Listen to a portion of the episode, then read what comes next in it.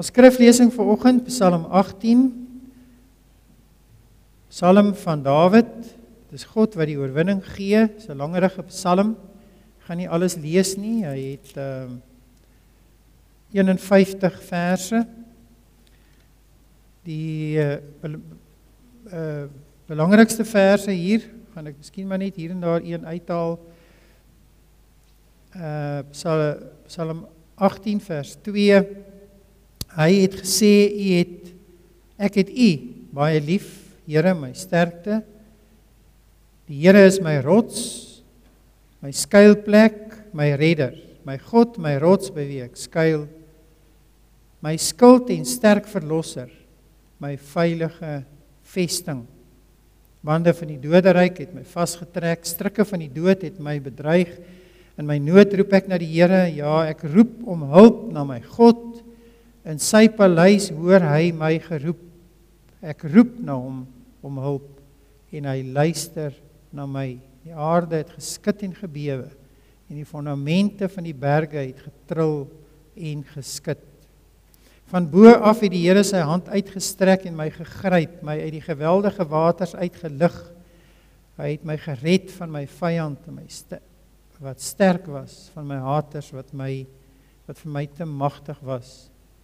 Die Here het my lamp helder laat skyn. My God gee vir my lig as dit donker is om my. Met U hulp loop ek 'n oormag storm en met my God by my is geen stadsmuur vir my te hoog nie. Hy omgord my met krag.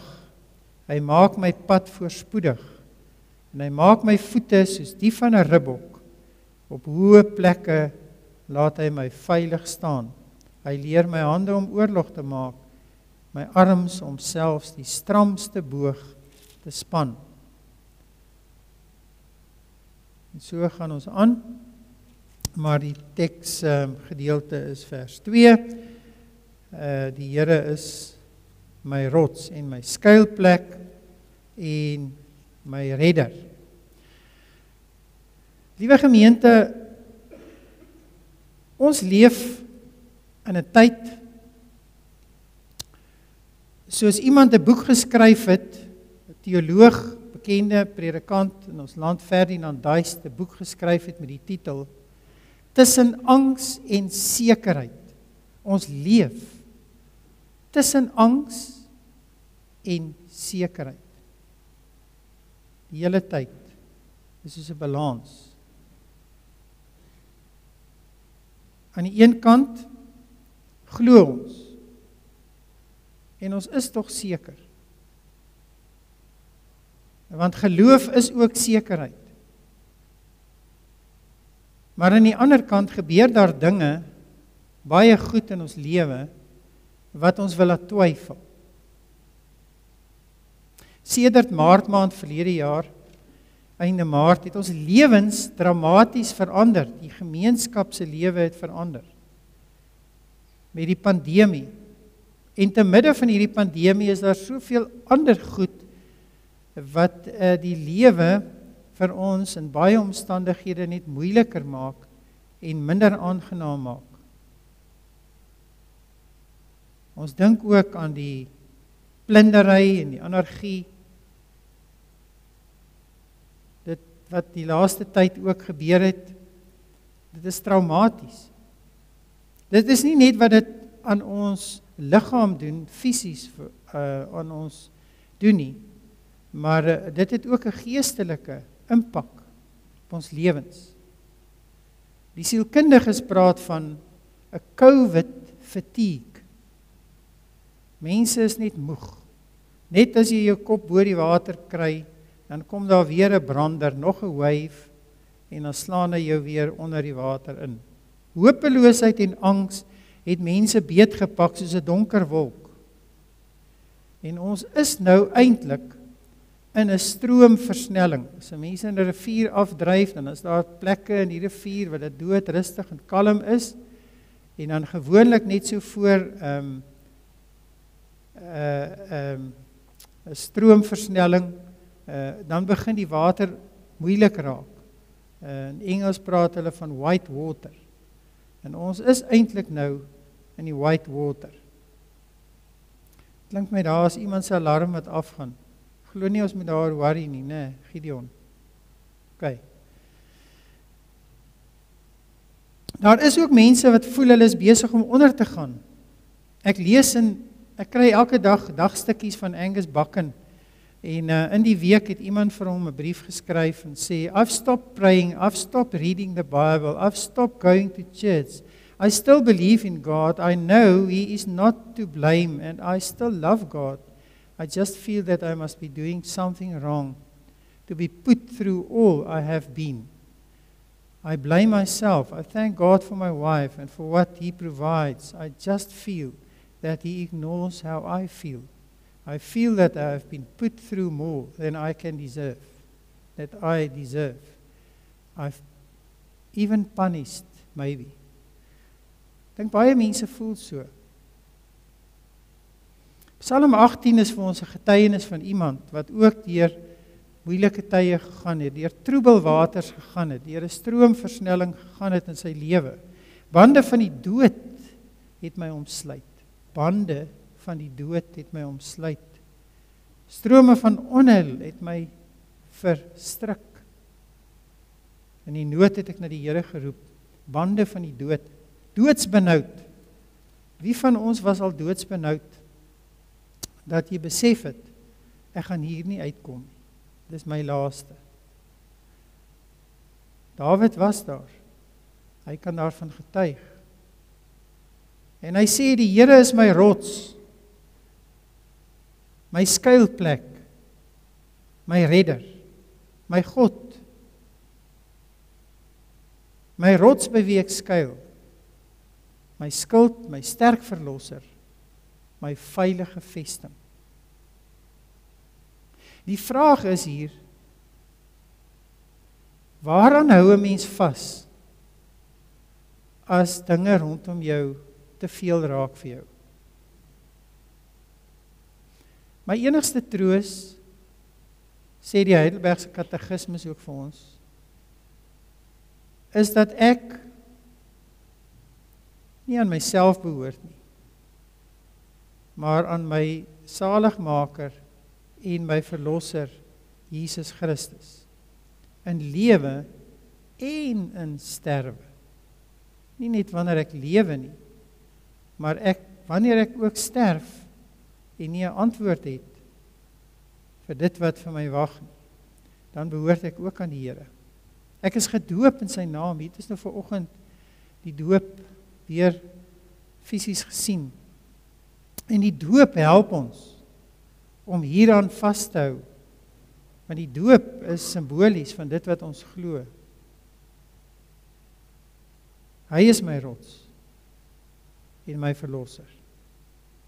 Die bekende lied wat ons ook later gaan sing in Engels, Rock of Ages, cleft for me. Let me hide myself in thee. Let the water and the blood from thy riven side which flowed Nothing in my hand I bring, simply to the cross I cling. Rock of ages, cleft for me. 'n Bekende kerklied wat geskryf is deur 'n Anglikaanse priester al sover terug as 1793 wat op reis was deur die veld en hy het uh, deur 'n kloof getrek op daai stadium 'n geweldige storm het hom oorval en hy was doodsbenoud en uit ergens tussen die rotse het hy skuilings gesoek. En na aanleiding van hierdie ervaring wat hy gehad het in 1793 skryf hierdie Anglikaanse priester hierdie lied Rock of Ages left for me. Ons trek ook soms deur 'n kloof, deur 'n noute. En dis En ons kan ook oorval word deur 'n storm.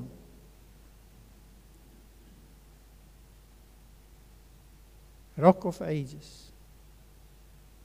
Let me hide myself in thee. Ons is nie die enigste mense wat deur moeilike tye gegaan het of gaan nie. Voor ons was daar baie mense wat miskien nog deur moeiliker omstandighede moes staande bly en dit oorleef het. Dit oorwin het. Omdat hulle geweet het waar hulle skuilings kan kry. Wie is hulle verlosser? En wie is hulle redder? Jesus is die rots. Nie net die een by wie ons skuil nie. Maar soos Paulus sê, die rots waaruit ons drink. In 1 Korintiërs 10 skryf Paulus vir die gemeente en dan herinner hy hulle aan die geskiedenis van Israel. Onthou julle toe die Israeliete uit Egipte getrek het deur die Rooi See en hulle in die woestyn gekom het en daardie woestyn was nie 'n sandwoestyn nie, dit was 'n 'n klipwoestyn. Dit was net klippe. Daar was niks gegroei nie, dit is net klippe. Waar sou hulle water kry? En hulle het wou dood van die dors. En die Here het vir Moses gesê: "Vat jou staf en raak aan die rots." En daar het water uit 'n rots uitgekom. En mense wat dors was vir water, het hulle dors geles uit die water uit 'n rots uit. En dan sê Paulus, dink dink daaraan dat hierdie rots is nie net 'n fisiese rots nie. As ons dit kan deurtrek na ons geestelike lewe toe, dan is Jesus Christus vir ons soos hierdie rots wat die lewende water vir ons gee. En soos wat Christus self later sê in daardeur eh, Johannes Evangelie van Johannes sê hy ook en wanneer die Heilige Gees kom dan sal julle wees soos fonteine wat lewende water voortbring. Maar Christus is die rots sê Paulus en by hierdie geestelike rots moet ons ons dors kom les. Die dinge wat met ons gebeur het 'n dieper geestelike betekenis. God is met ons. Hy het ons nog nooit verlaat nie. Maar hy praat met ons deur die omstandighede van die tyd waarin ons is. Mense sien dit nie raak nie. Net soos wat die Israeliete nie die wonderwerke van God raak gesien het nie en elke dag wanneer hulle uitgegaan het om manna op te tel, brood wat die Here vir hulle uit die hemel uit gegee het, en daardie manna het al die vitamiene en minerale en alles gehad wat hulle liggaam nodig gehad het om van te leef. Het hulle dit tog nie raak gesien nie. En omdat hulle gemurmureer het en gekla het in die woestyn, het hulle in die woestyn agtergebly en nooit die beloofde land ingegaan nie. So te midde van die woestyn tydperk waarin ons is, moet ons tog die werke van God raak sien en dit komplimenteer en daarvan getuig. Jy die rots, die skepper nie in ag geneem nie, die God wat jou in die wêreld gebring het, vergeet, staan daar in Deuteronomium 32 vers 18. Jalmarie het verlede Sondag, toe dit nou nog 'n elektroniese uitsending was, dit is nog nie hier weer bymekaar was nie, het sy 'n wonderlike boodskap 'n preek gehad oor die belangrikheid van God se naam en wat dit beteken om hom aan te roep. Elmer het onder andere gesê dat die Here se naam, as ons die Here se naam aanroep, dan sê ons ons is Christene, maar as ons nie leef soos Christene nie, dan ehm um, gebruik ons sy naam, dan misbruik ons die naam van die Here. En sal hy ons nie ongestraf laat bly nie. Nou kan 'n mens maar net vir jouself vra, hoeveel mense is daar in hierdie land wat sê dat hulle Christene is, maar hulle leef nie asof hulle aan die Here behoort nie. En hulle neem hom nie in ag nie. Wat moet die Here doen om ons aandag op hom te vestig? As mense nie meer kerk toe kom of hulle hoor nie, lees nie meer die Bybel nie, hulle hoor nie meer die woord van die Here nie, moet die Here op ander maniere met mense begin praat en hy praat met ons deur die omstandighede. Ons ken nie regtig die Here nie. Ons dink ons ken hom. Ons weet van hom. Ons bely dat ons kinders van die Here is. Maar ons ken hom nie regtig nie. Ons moet erns maak om hom beter te leer ken. Hy's baie meer as net die gewer van goeie dinge. God is ook die bewerker van lotgevalle van mense en volkere.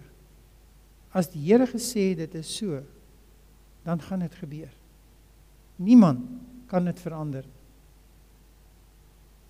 Een van die liedere wat ons gesing het op vaste fondamente, dit is 'n kerklied, lied 473 in ons kerkboek, liedboek. O Heer, skryf in ons harte dat ons nooit vergeet al pynig ons die smarte. Al martel ons die leed, die kruis van ons verlosser sluit ver gesigte oop. In 'n verwarde wêreld bring dit weer vaste hoop. Julle is die gebou.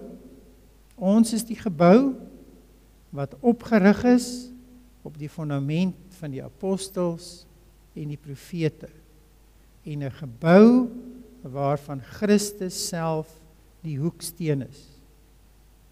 Baie mooi beeld. 'n Hoeksteen. Wat is 'n hoeksteen? Ehm um, 'n hoeksteen is wanneer as die mense in die tyd van die Bybel gebou het en hulle het 'n deur gebou, dan bou hulle hom so met 'n bietjie van 'n aard, hy gaan so rond bo. En dan is daar een steen en dis die laaste steen wat jy insit in daardie deur wat jy bou met klippe. En daardie een steen, die laaste steen, die cornerstone, soos hulle sê wat jy insit, hou die hele arch bymekaar. En as jy daardie steen uithaal, dan val die hele deur of wat jy nou ook al bou, val dit uitmekaar uit. Nou is die Bybel gebruik hierdie beeld en sê dat ehm um, Ons as kerk is die gebou. Maar die belangrikste steen in daardie gebou is Christus. En as jy hom uithaal uit daardie gebou uit, dan val die hele gebou in mekaar. Sonder Christus is die kerk niks. Hy is die hoeksteen en hy hou sy kerk in stand.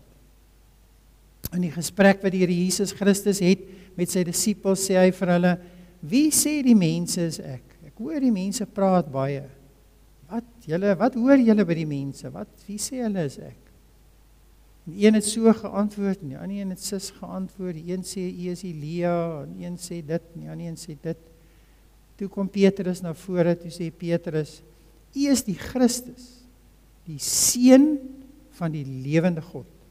Die kortste en kragtigste belydenis wat 'n mens seker kan gee. En toe sê ehm um, die Here Jesus vir Petrus, "You are I say you are the Messiah, the son of the living God. Good for you, Simon's um son of John." Answered Jesus, "For the truth did not come to you from a human being, but it was given to you directly by my Father in heaven.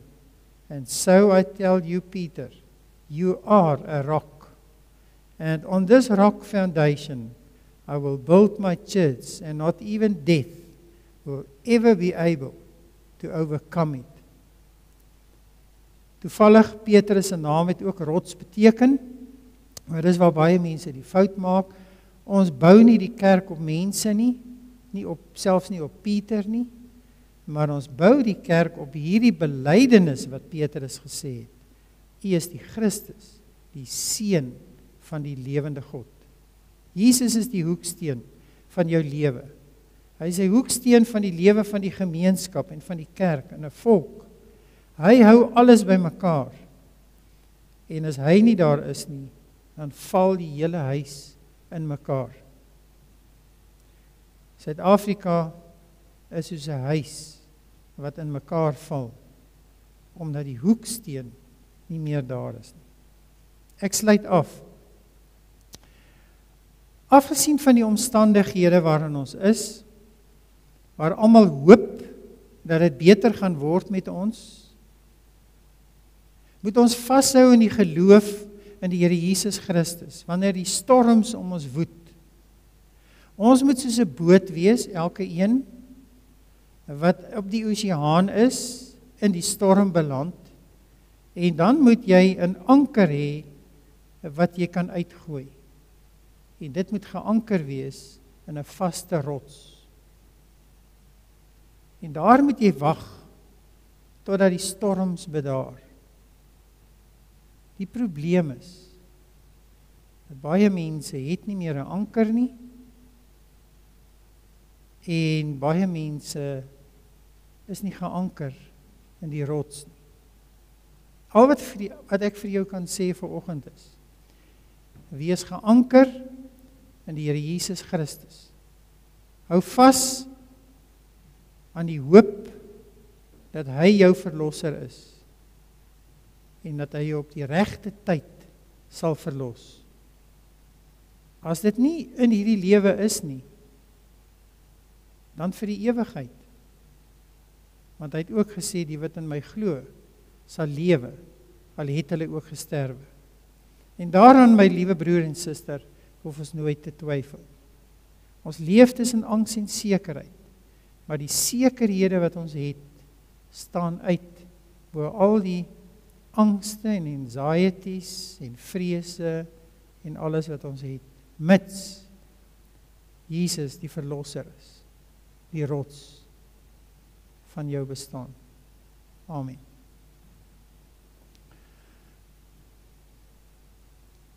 Here ons ek dink nou aan daardie daardie Anglikaanse priester wat op reis was eers en toe hy in hierdie geweldige storm gekom en die vloedwaters het hom het hom ehm um, oorweldig en hy het moes toe seker eers na 'n rots toe swem en hy het vasgehou in hierdie rots en het uiteindelik uh het hierdie rots hom gered dat hy nie deur die waters weggespoel word nie. En daardie man het um, gegaan en 'n lied gaan skryf wat ons vandag sing Rock of Ages cleft for me. Let me hide myself in thee. En dit is maar net al wat ons ver oggend ook wil sing, Here. Uh dat U is die rots van ons bestaan en uh in stormagtige en moeilike tye weet ons waarna toe om te gaan en waar ons kan skuilings vind. Laat ons nie kla nie, Here, maar laat ons eerder ons bekommernisse en ons klagtes gebruik om onsself te motiveer om by U uit te kom want U is die enigste verlosser wat ons kan red. Ons bid dit alles in Jesus se naam. Amen. Kom ons sing die lied